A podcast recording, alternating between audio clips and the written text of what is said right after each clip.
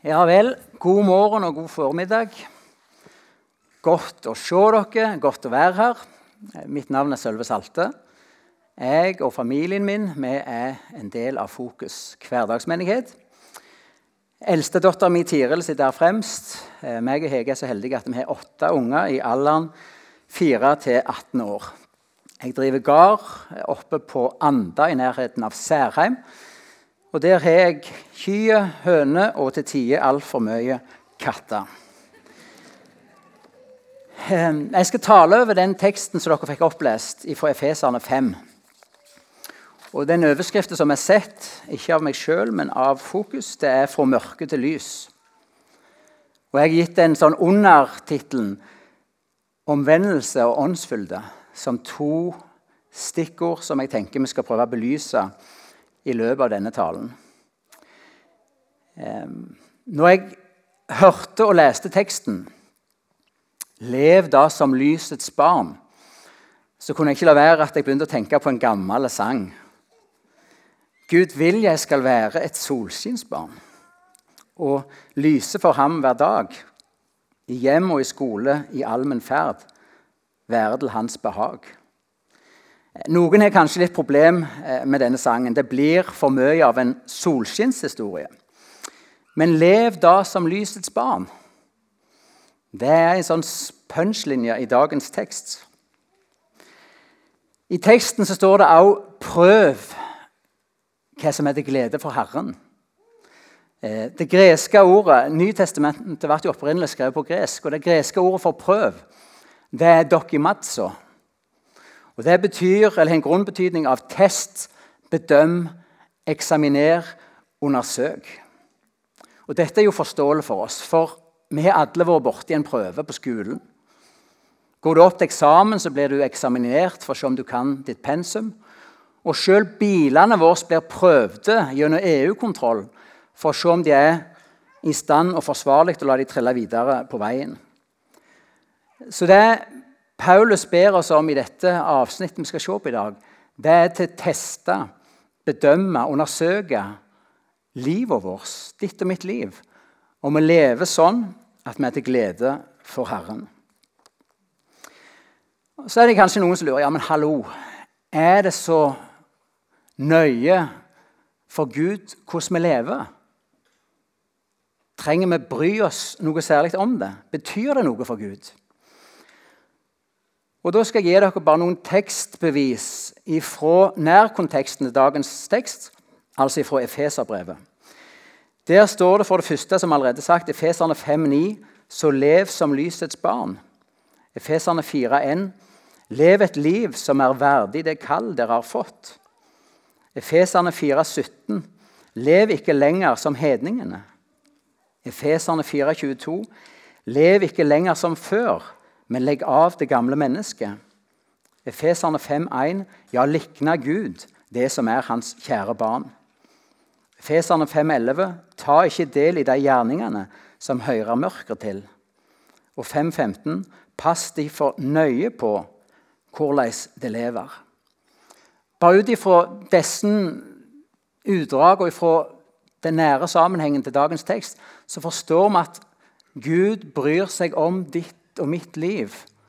Hvordan vi lever, hvordan vi forvalter det. Ja, hvordan vi oppfører oss, hvilke valg vi tar.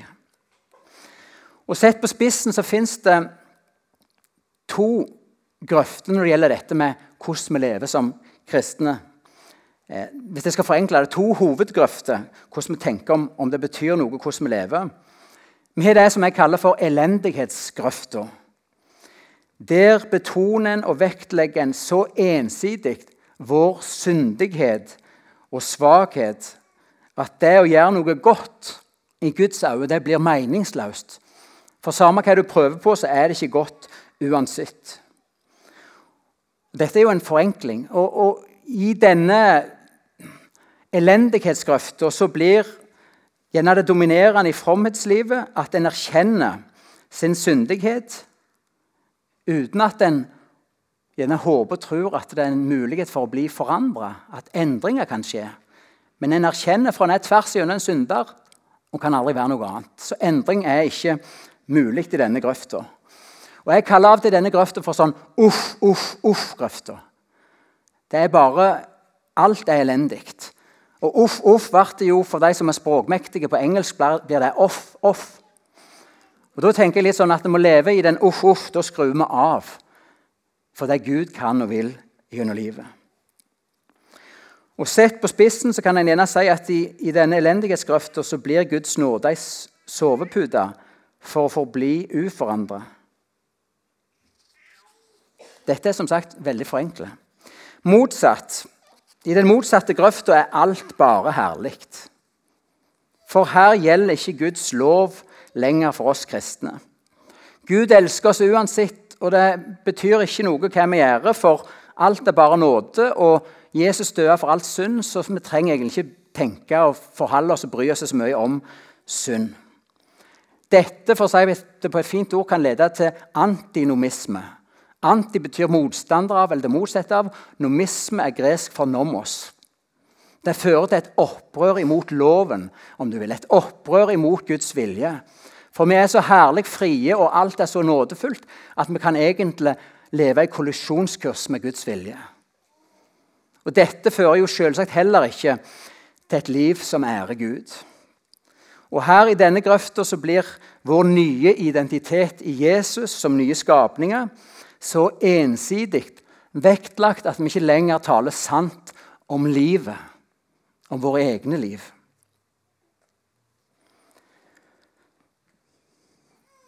Og Begge disse grøftene løfter fram viktige sannheter. Vi er og forblir syndere. Livet ut på denne jord så må du og meg kjempe mot vår syndige natur, som Bibelen kaller det. Gamle mennesker i oss. Og Derfor så er en kristen, selv om vi helhjertet ønsker å si ja til Gud, så går det en splittelse i hjertene våre. Vi både vil og ikke vil det som Gud vil. Derfor kampen mellom lys og mørke den skjer ikke bare langt vekke, men den skjer i ditt og mitt liv, i ditt og mitt hjerte. Og Gud vet akkurat hvordan vi er, og hvordan vi har det. Men allikevel eh, sier han til oss lev som lysets barn. Gud ønsker at lyset skal seire i ditt og mitt liv. Gud tror at forandring er mulig i ditt og mitt liv. Gud tror at du og meg, at vi faktisk med Guds hjelp kan legge av oss syndige vaner.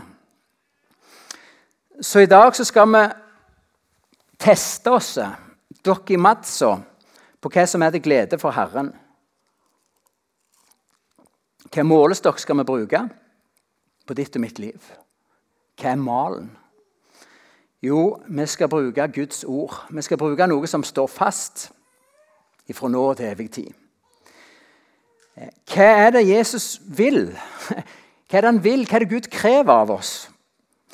Jo, Jesus sier i Lukas 10, 27, du skal elske Herren din Gud av hele ditt hjerte, av hele din sjel og av all din forstand og av all din kraft, og din neste som deg sjøl.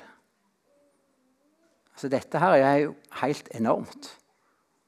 Elske av all vår kraft, vår forstand, vår sjel, vår vilje. Og vår neste som oss sjøl. Dette forstår vi, dette handler ikke bare om en liten del av ditt og mitt liv, men det handler om hele oss. Gud ønsker at vi skal elske ham med hele livet og med hele oss. Han ønsker å eie ditt og mitt hjerte. Han ønsker å få lov å prege dine og mine tanker. Han ønsker å få lov å fornye din og min vilje, sånn at vi kan elske han tilbake for den han er. Og så Dette ønsker han ikke skal være tvang. Men hva er kristenliv uten kjærlighet? Han ønsker at det skal være frivillig. At det skal være det vi ønsker. At vi gir oss sjøl tilbake til han i kjærlighet. Ikke med sammenbitte tenner og med trass og motstand, men, men at det dypest sett det er dette vi vil. Jeg vil elske deg, Gud. Jeg vil gi livet mitt til deg. Jeg vil leve for deg. Hva er så Guds vilje for oss? Jo, vi finner jo den i Bibelen, men hvis vi skal prøve å si det på en sånn konsentrert måte, så De ti bud, de, de står fast. Det er Guds vilje for hvordan et menneske skal leve. Det setter gode grenser til vern om livet, til utfoldelse av livet. Et samfunn, et land, en verden der vi alle, både i handling og av hjertelag, levde etter Guds bud. Vet du hva det hadde vært himmel? Det hadde vært himmel. Og I motsetning til den gamle pakt eller avtale som vi leser israelsfolket hadde med Gud i Det gamle testament, der fikk de budene på steintavle som de bar med seg. Og vi ser Når vi leser Israels folk historie i Det gamle testament, at det var tungt for folk å bære budene. De gjorde stadig et opprør imot det. Det var noe ytre. Men så gir Gud et løfte bl.a. gjennom profeten Esekiel om at en dag så vil han la budet komme på innsida. Vi skal lese den korte teksten. Jeg vil gi dere et nytt hjerte og la dere få ny ånd inni dere. Jeg vil ta ut steinhjertet ut av kroppen deres og gi dere et kjøtthjerte i stedet. Jeg lar dere få min ånd inni dere og gjør det slik at dere følger mine forskrifter og tar vare på mine lover, så dere lever etter dem. Gud lovte gjennom profeten at en dag så skal det skje noe radikalt nytt. Jeg vil rense mitt folk. Jeg vil ta steinhjertet ut. Og det skal skje en grunnleggende forandring, for min ånd vil jeg la bo i dem. Og Det at Guds ånd bor i et menneskehjerte, det fører til at det mennesket kan få et nytt forhold til Guds lov og vilje. I plassen for at budet bare blir 'du skal, du skal ikke', så kan det bli 'jeg vil, og jeg vil ikke'. Og Den forandring gjelder oss, for løftet er oppfylt med pinsedag. Vi lever i oppfyllelsen av dette løftet. Den hellige ånd ønsker å lede oss og leve gjennom oss, sånn at vi i villighet og kjærlighet lever etter Guds vilje. Kjærlighetens oppfyllelse av de ti bud, det er det glede for Herren. Da handler altså det om det til glede av Jesus. Det handler om de små og store valgene som vi gjør hver dag. Og Det sto i teksten ta ikke del i de gjerningene som hører mørket til, for de bærer ingen frukt. Avslør de heller. Og Den beste måten til å avsløre mørket i ditt og mitt liv, det er jo til å slippe lyset til. Og Nå skal vi ta en sånn liten test. Jeg tok med meg det jeg aldri har gjort før. Konkordieboka. Hvor mange her har hørt om Konkordieboka? Ja, det var noen hender. Fantastisk. Hvor mange har ei Konkordiebok hjemme? Der var noen hender. Vet du hva? Her finner vi summen, eller den samla bekjennelsen for den evangeliske lutherske kirka. Det vi tror på. Å bekjenne det er ikke noe tort og teoretisk, men det er en måte å lovprise Gud på. Og I denne Concordie-boken finner vi bl.a. Den lille katekisme. Og Nå skal vi gå kort gjennom Luthers forklaring til de ti bud. Og så Hensikten med dette er at vi skal prøve våre egne liv på de ti bud. For det er en vei til lyset, til at lyset får slippe inn i våre liv. Det første bud Du skal ikke ha andre guder enn meg. Hva er det? Vi skal over alle ting frykte og elske Gud og sette vår lit til Han. Det andre bud Du skal ikke misbruke Herren din Guds navn, for Herren vil ikke holde den uskyldige som misbruker Hans navn. Hva er det? Vi skal frykte og elske Gud, så vi ikke ved Hans navn banner, sverger, gjør trolldom, lyver eller bedrar, men påkaller Guds navn i all vår nød, ber, lover og takker. Det tredje bud du skal holde hviledagen hellig. Hva er det? Vi skal frykte og elske Gud, så vi ikke forakter prekenen og Guds ord, men holder det hellig, gjerne hører det og lærer det. Det fjerde bud du skal hedre din far og din mor. Hva er det? Vi skal frykte og elske Gud, så vi ikke forakter eller harmer våre foreldre og foresatte, men holder dem i ære, tjener og lyder dem, elsker og akter dem. Jeg syns det er utrolig Flott. Tenk når Gud skulle gi ti bud. Jeg tenker Kanskje er det litt pedagogikk i å begrense det tid. Så spanderte han det ene på ditt og mitt forhold til de som brakte oss inn i verden, til våre foreldre. Til hedre til ære dem. De som ifra vi var små, bar oss, ga oss mat, tok seg av oss. Gud har et kall til oss alle om at når den dagen kommer, så skal vi være med og bære dem. Ta oss av dem. Hjelpe dem. Hedre dem. Alderdom og grå hår og rynker det er ikke et tegn på at du begynner å bli mindre og mindre verdt. Det er et ærestegn. Vi skal hedre våre foreldre. Det femte bud. Du skal ikke slå i hjel. Hva er det?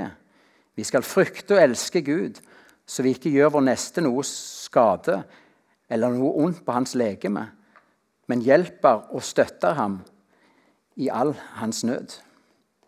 Støtter ham i all legemlig nød. Det sjette bud du skal ikke drive hor. Hva er det? Vi skal frykte og elske Gud, så vi lever et rent og sedelig liv i ord og gjerninger og enhver skal elske og ære sin ektefelle. Det syvende bud du skal ikke stjele. Hva er det? Vi skal frykte og elske Gud, så vi ikke tar vår nestes penger eller gods og ikke drar det til oss ved falske varer eller annen svik, men hjelper ham å berge sin eiendom og bedre sine kår. Jeg har sikkert delt dette med noen av dere før, men jeg skal dele en liten historie igjen. Den er langt tilbake i tid, og det er ikke fordi at vi må langt tilbake i tid for at jeg har gjort noe gale. Men jeg syns dette er en god historie til å illustrere. Eh, når jeg var 19 år gammel, så gikk jeg på folkeskole i Telemark. Jeg gikk på Sagervoll folkeskole. Og Med to anledninger så tok jeg toget fra Bø til Kongsberg. Jeg kjøpte billett, men den billetten ble aldri kontrollert på toget, så jeg gikk av stasjonen og løste inn pengene og fikk igjen pengene. Eh, nå begynte jeg egentlig litt feil rekkefølge. Eh, når jeg var 21 år, altså noen år seinere, så ble jeg spurt om å tale på Elim om eh, Den hellige ånd. Jeg bodde på Bryne i leilighet. og Da gikk jeg ned til togstasjonen og så ba jeg Jesus nå må du gi meg en erfaring av Den hellige ånd, sånn at det ikke bare teorier kommer. Og mens jeg går nedover til stasjonen, så kommer plutselig en klar tanke i, i hodet mitt. Sølve, du har sneket på toget. Og så var det Hæ? Hva er dette for noe? Her går jeg og ber om erfar. Du har sneket på toget. Og så forsto jeg ja, det er riktig. Jeg hadde sneket de to gangene jeg gikk på folkeskole. Og så kommer bare en, en ny tanke, eller et bibelvers. Han, altså Den hellige ånd, skal overbevise verden om synd. Da var det bare både så det sokk i hjertet mitt. Her går jeg og ber om å få erfare at Gud ved sin ånd er nær, og at det ikke er teori, men noe i livet mitt. Og så sier Den hellige ånd, 'Sølve, du er sneker på toget'. Da er veien for meg kort inn på togstasjonen på Bryne. Jeg sier jeg må ha to billetter på strekningen eh, Bø-Kongsberg. Ja, hva dato og klokkeslett? Nei, det er det samme, sier jeg. Må ha to billetter. Han bare kikker løye på meg. Jeg vil vite hva det er, sier jeg. Ja, jeg er sneket to ganger på denne avstanden og ønsker å gjøre opp for meg. Han blir litt sånn rød og beklemt. Du, du trenger ikke. Jo, sier jeg, jeg må få de billettene. Han skriver de ut, jeg drar kort og betaler. På vei ut av togstasjonen så river jeg de sunt og hiver de i søppelet. Så er jeg en utrolig lett og glad mann. Jeg har fått lov til å erfare at Jesus er nærmest i ånd. At han har fått lede meg til en konkrete ting som jeg kunne få lov til å gjøre opp. Og Som en liten parentes min erfaring som forkynner er at når vi taler konkret om synd, og våger å sette navn på det, det er da vi får reaksjon. Positiv som negativ. Noen omtrent henger om halsen på deg og takker deg. Mens andre kan sende sure meldinger eller unngå deg eller se, altså, se vekk ifra deg. Og For noen uker siden fikk jeg en telefon. Det var en som ville takke meg. Jeg kunne jo delt noe negativt, men dele, det var en som ville takke meg. For han hadde hørt en tale som lå på nettet, der jeg delte akkurat dette med togbillettene. Og Han sa han ble så mint enn han hørte dette, om kassa eller masse sånn arbeidsverktøy som sto i garasjen hans, som tilhørte den tidligere arbeidsplassen, og som ikke var hans. Så han hadde etter hørt talen, så hadde han reist rett ned på sin gamle arbeidsplass, satt av kassene og levert det tilbake. Og han var så glad og letta nå. Så han ville bare takke. Vi skal ikke stjele. Vi skal prøve våre liv på hva som heter glede for Jesus. Kanskje i dag er det noen her som blir minnet om noe du skal levere tilbake. Noe du skal få lov til å gjøre opp. Kan vi se, Nå må ikke jeg lukke igjen Concordia. Vi er ikke ferdige. Ja, han er galen, han. Skal vi se. Galen i halen. Skal vi se. 218, var det ikke det? Jo. Eh, da skal vi gå videre til det åttende bud. Du skal ikke si falskt vitnesbyrd mot det neste. Hva er det? Vi skal frykte og elske Gud, som ikke lyver på vår neste, forråde ham, baktale ham eller føre et dårlig rykte på ham, men unnskylde ham, tale vel om ham og tar alt i beste mening. Det niende bud. Du skal ikke begjære det nestes hus. Hva er det? Vi skal frykte og elske Gud, som ikke med list prøver å få tak i vår nestes arv eller hus, og slår det til oss ved å late som om vi har rett til det, men hjelp og støtte han, så han kan ha sitt i fred. Det tiende bud. hun skal ikke begjære den nestes hustru, tjener, tjenestepike, buskap eller noe som er hans. Hva er det? Vi skal frykte og elske Gud, som ikke lokker eller truer fra vår neste, hans hustru, tjenere eller budskap, men formaner de til å bli hos han og gjøre sin plikt.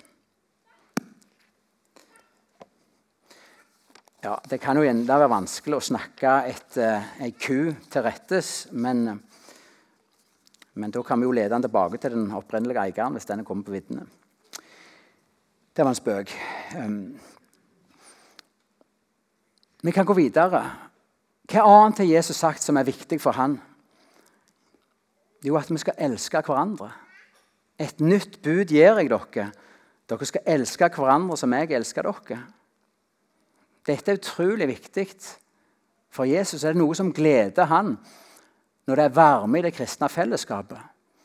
Når det kristne fellesskapet er en plass hvor tilgivelsen sitter løst. Hvor vi strekker oss ut for å forstå hverandre hvor vi støtter hverandre, inkluderer hverandre. Hvor det ikke er sånn lukka gruppe, spisse albuer, baktals og alt det som river ned. Så Med å være med og bygge opp et varmt, godt kristen fellesskap i heim, om det er i bibelgrupper, i menighetssammenheng, da gleder vi Herren. For Det er så viktig for Jesus at vi elsker hverandre. Og det står i 1. Johannes brev på dette vet vi at vi har gått fra døden til livet, at vi elsker våre søsken. Det var sånn sikkert kjennemerke på de kristne. Og det skal det være også i dag. At vi elsker hverandre. At vi taler vel om hverandre. At vi heier på hverandre, hjelper hverandre, tilgir hverandre. Og Den siste testen vi kan teste våre liv på, det er om tilgivelse sitter løst hos meg og deg. Vi gleder Jesus når vi praktiserer tilgivelse. Vi ber deg, Fader vår, tilgi meg sånn som jeg tilgir mine skyldnere. Det er til glede for Herren når vi praktiserer tilgivelse.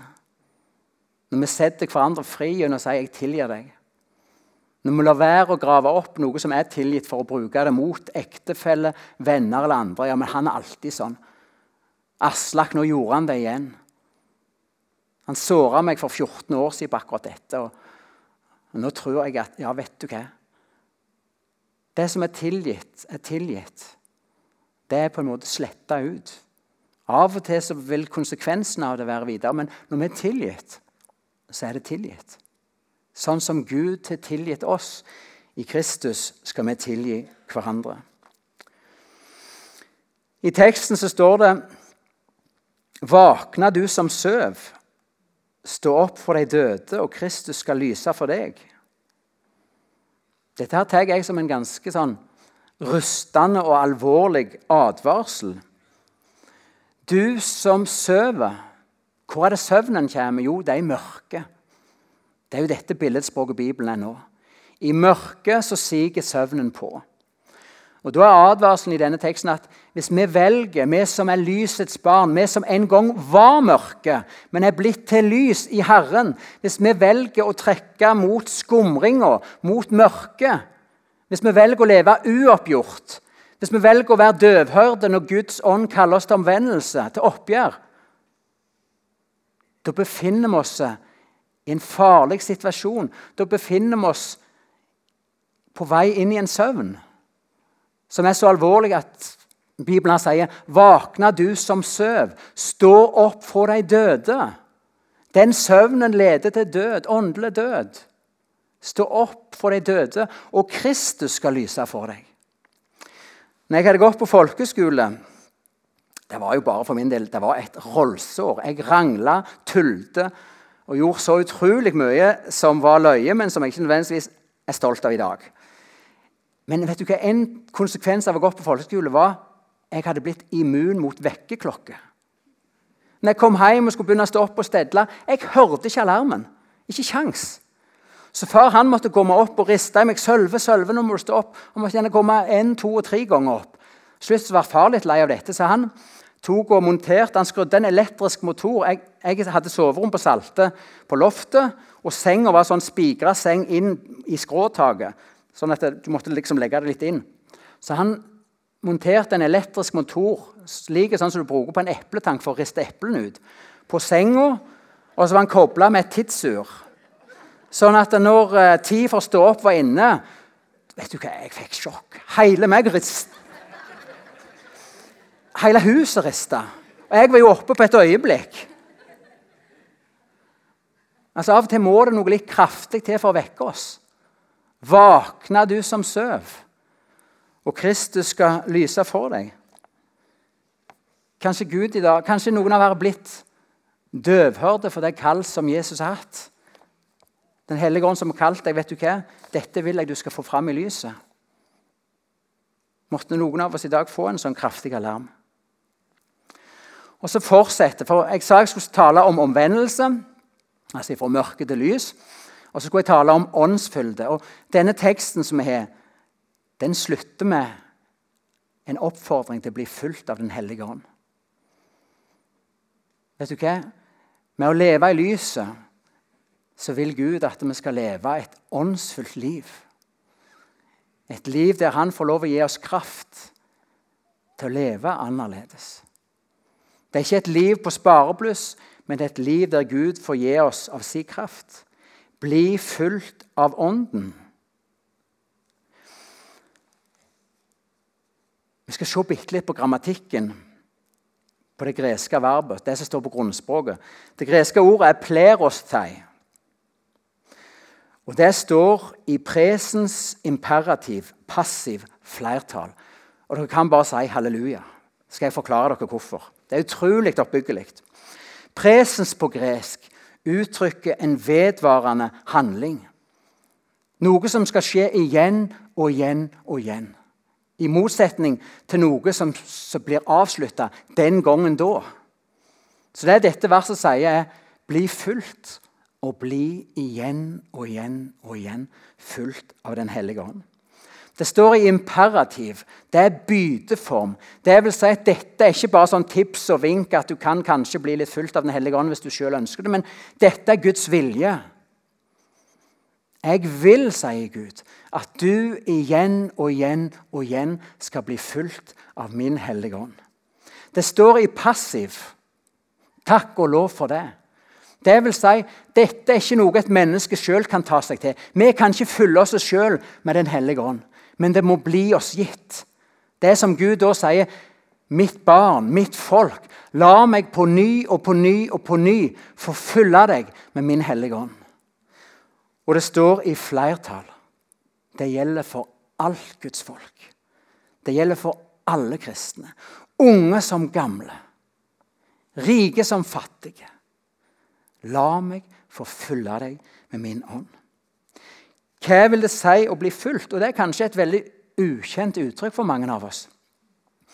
Jo, det bildet som Paulus bruker her, det er kontrasten til vin.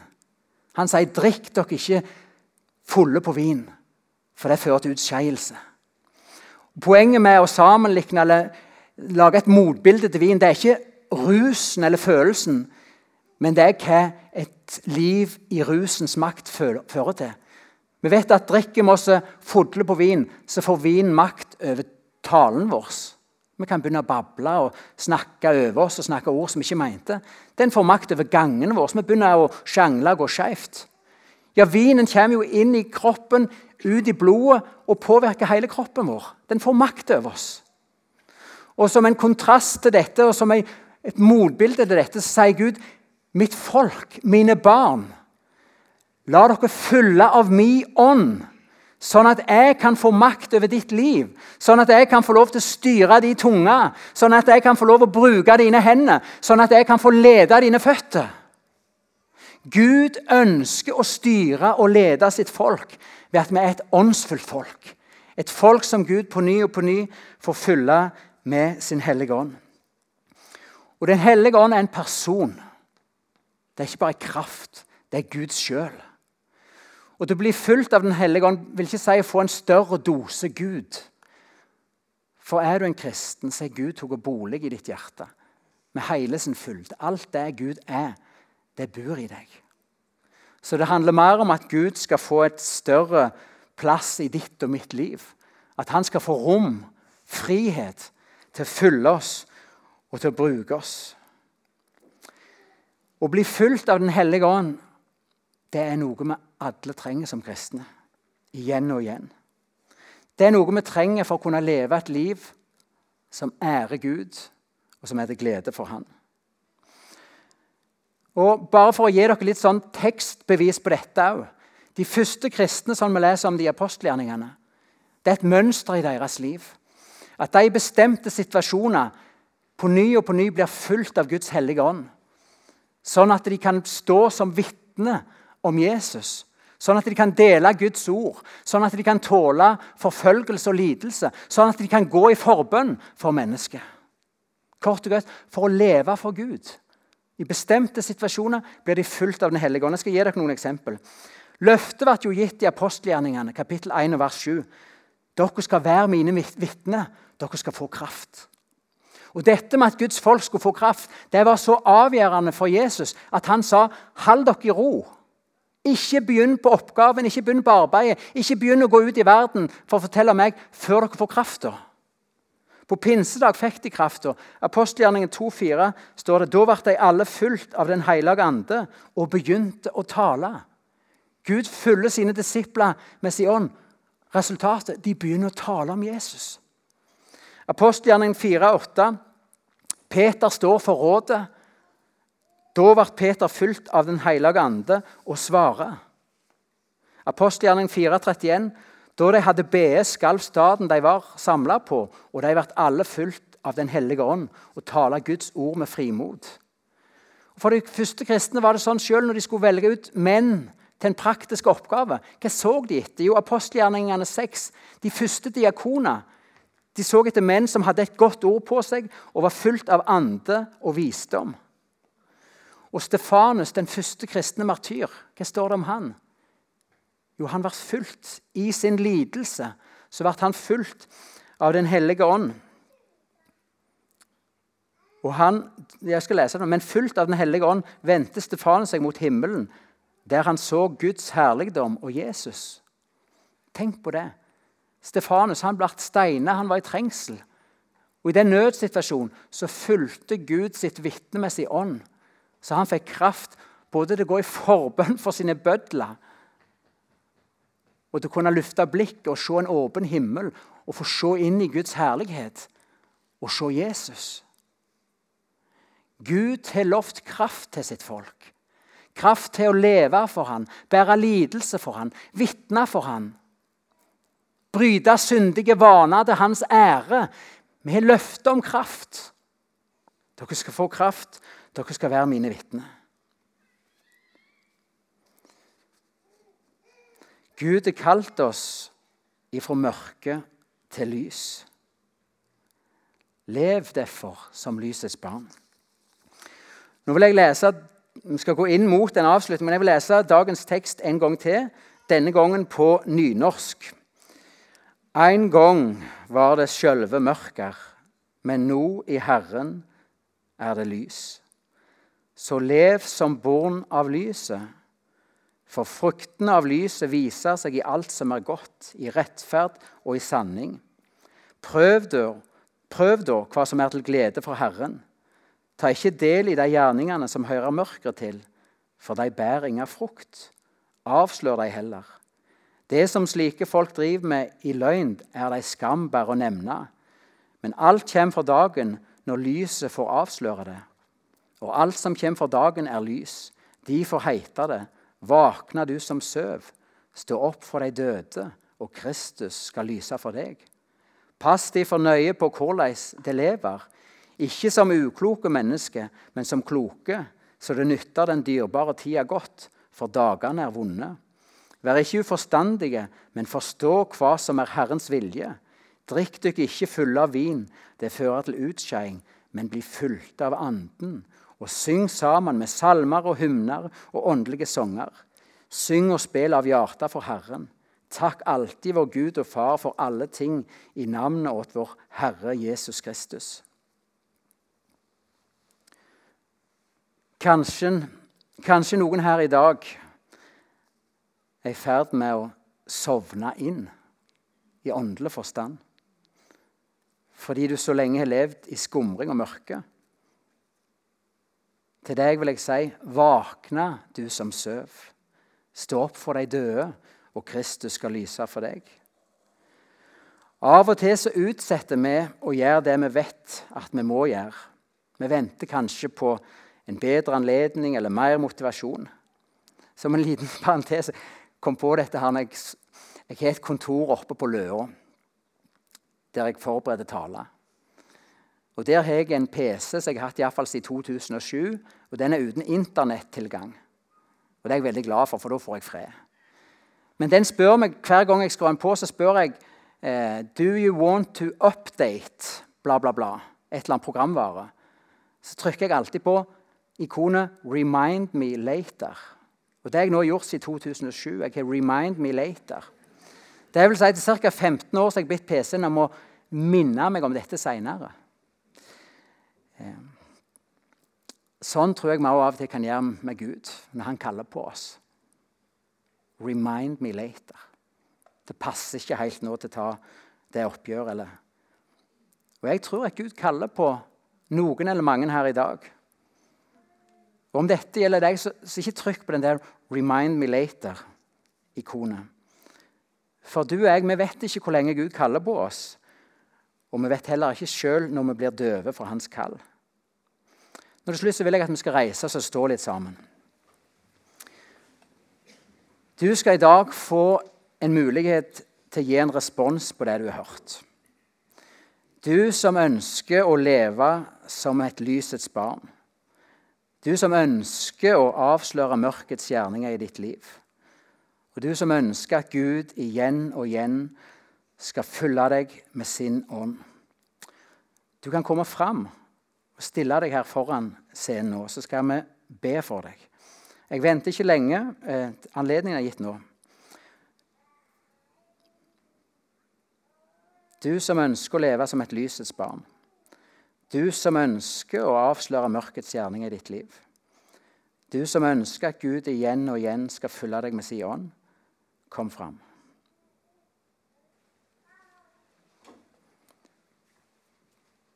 Per Åge, kan du komme og hjelpe?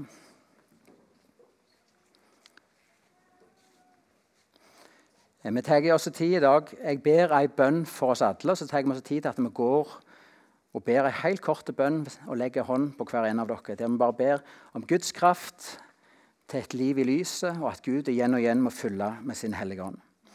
Vi ber først ei samla bønn.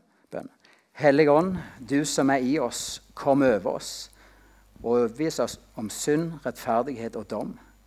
Herre Jesus Kristus, la ditt lys stråle over oss og gjennom oss, og hjelp oss opp for det mørket som er falt i søvne i. Gi oss kraft til å bryte med de ting som fører til åndelig død i vårt liv.